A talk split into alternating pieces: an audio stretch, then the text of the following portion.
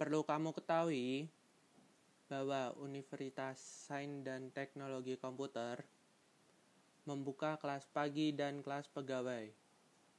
Ada berapa fakultas yang bisa kamu pilih? Yaitu Fakultas Komputer dan Bisnis, Fakultas Vokasi Terapan, dan Ilmu Kesehatan. Biaya kuliahnya terjangkau loh, bisa dibayar setiap bulan, ringan kan?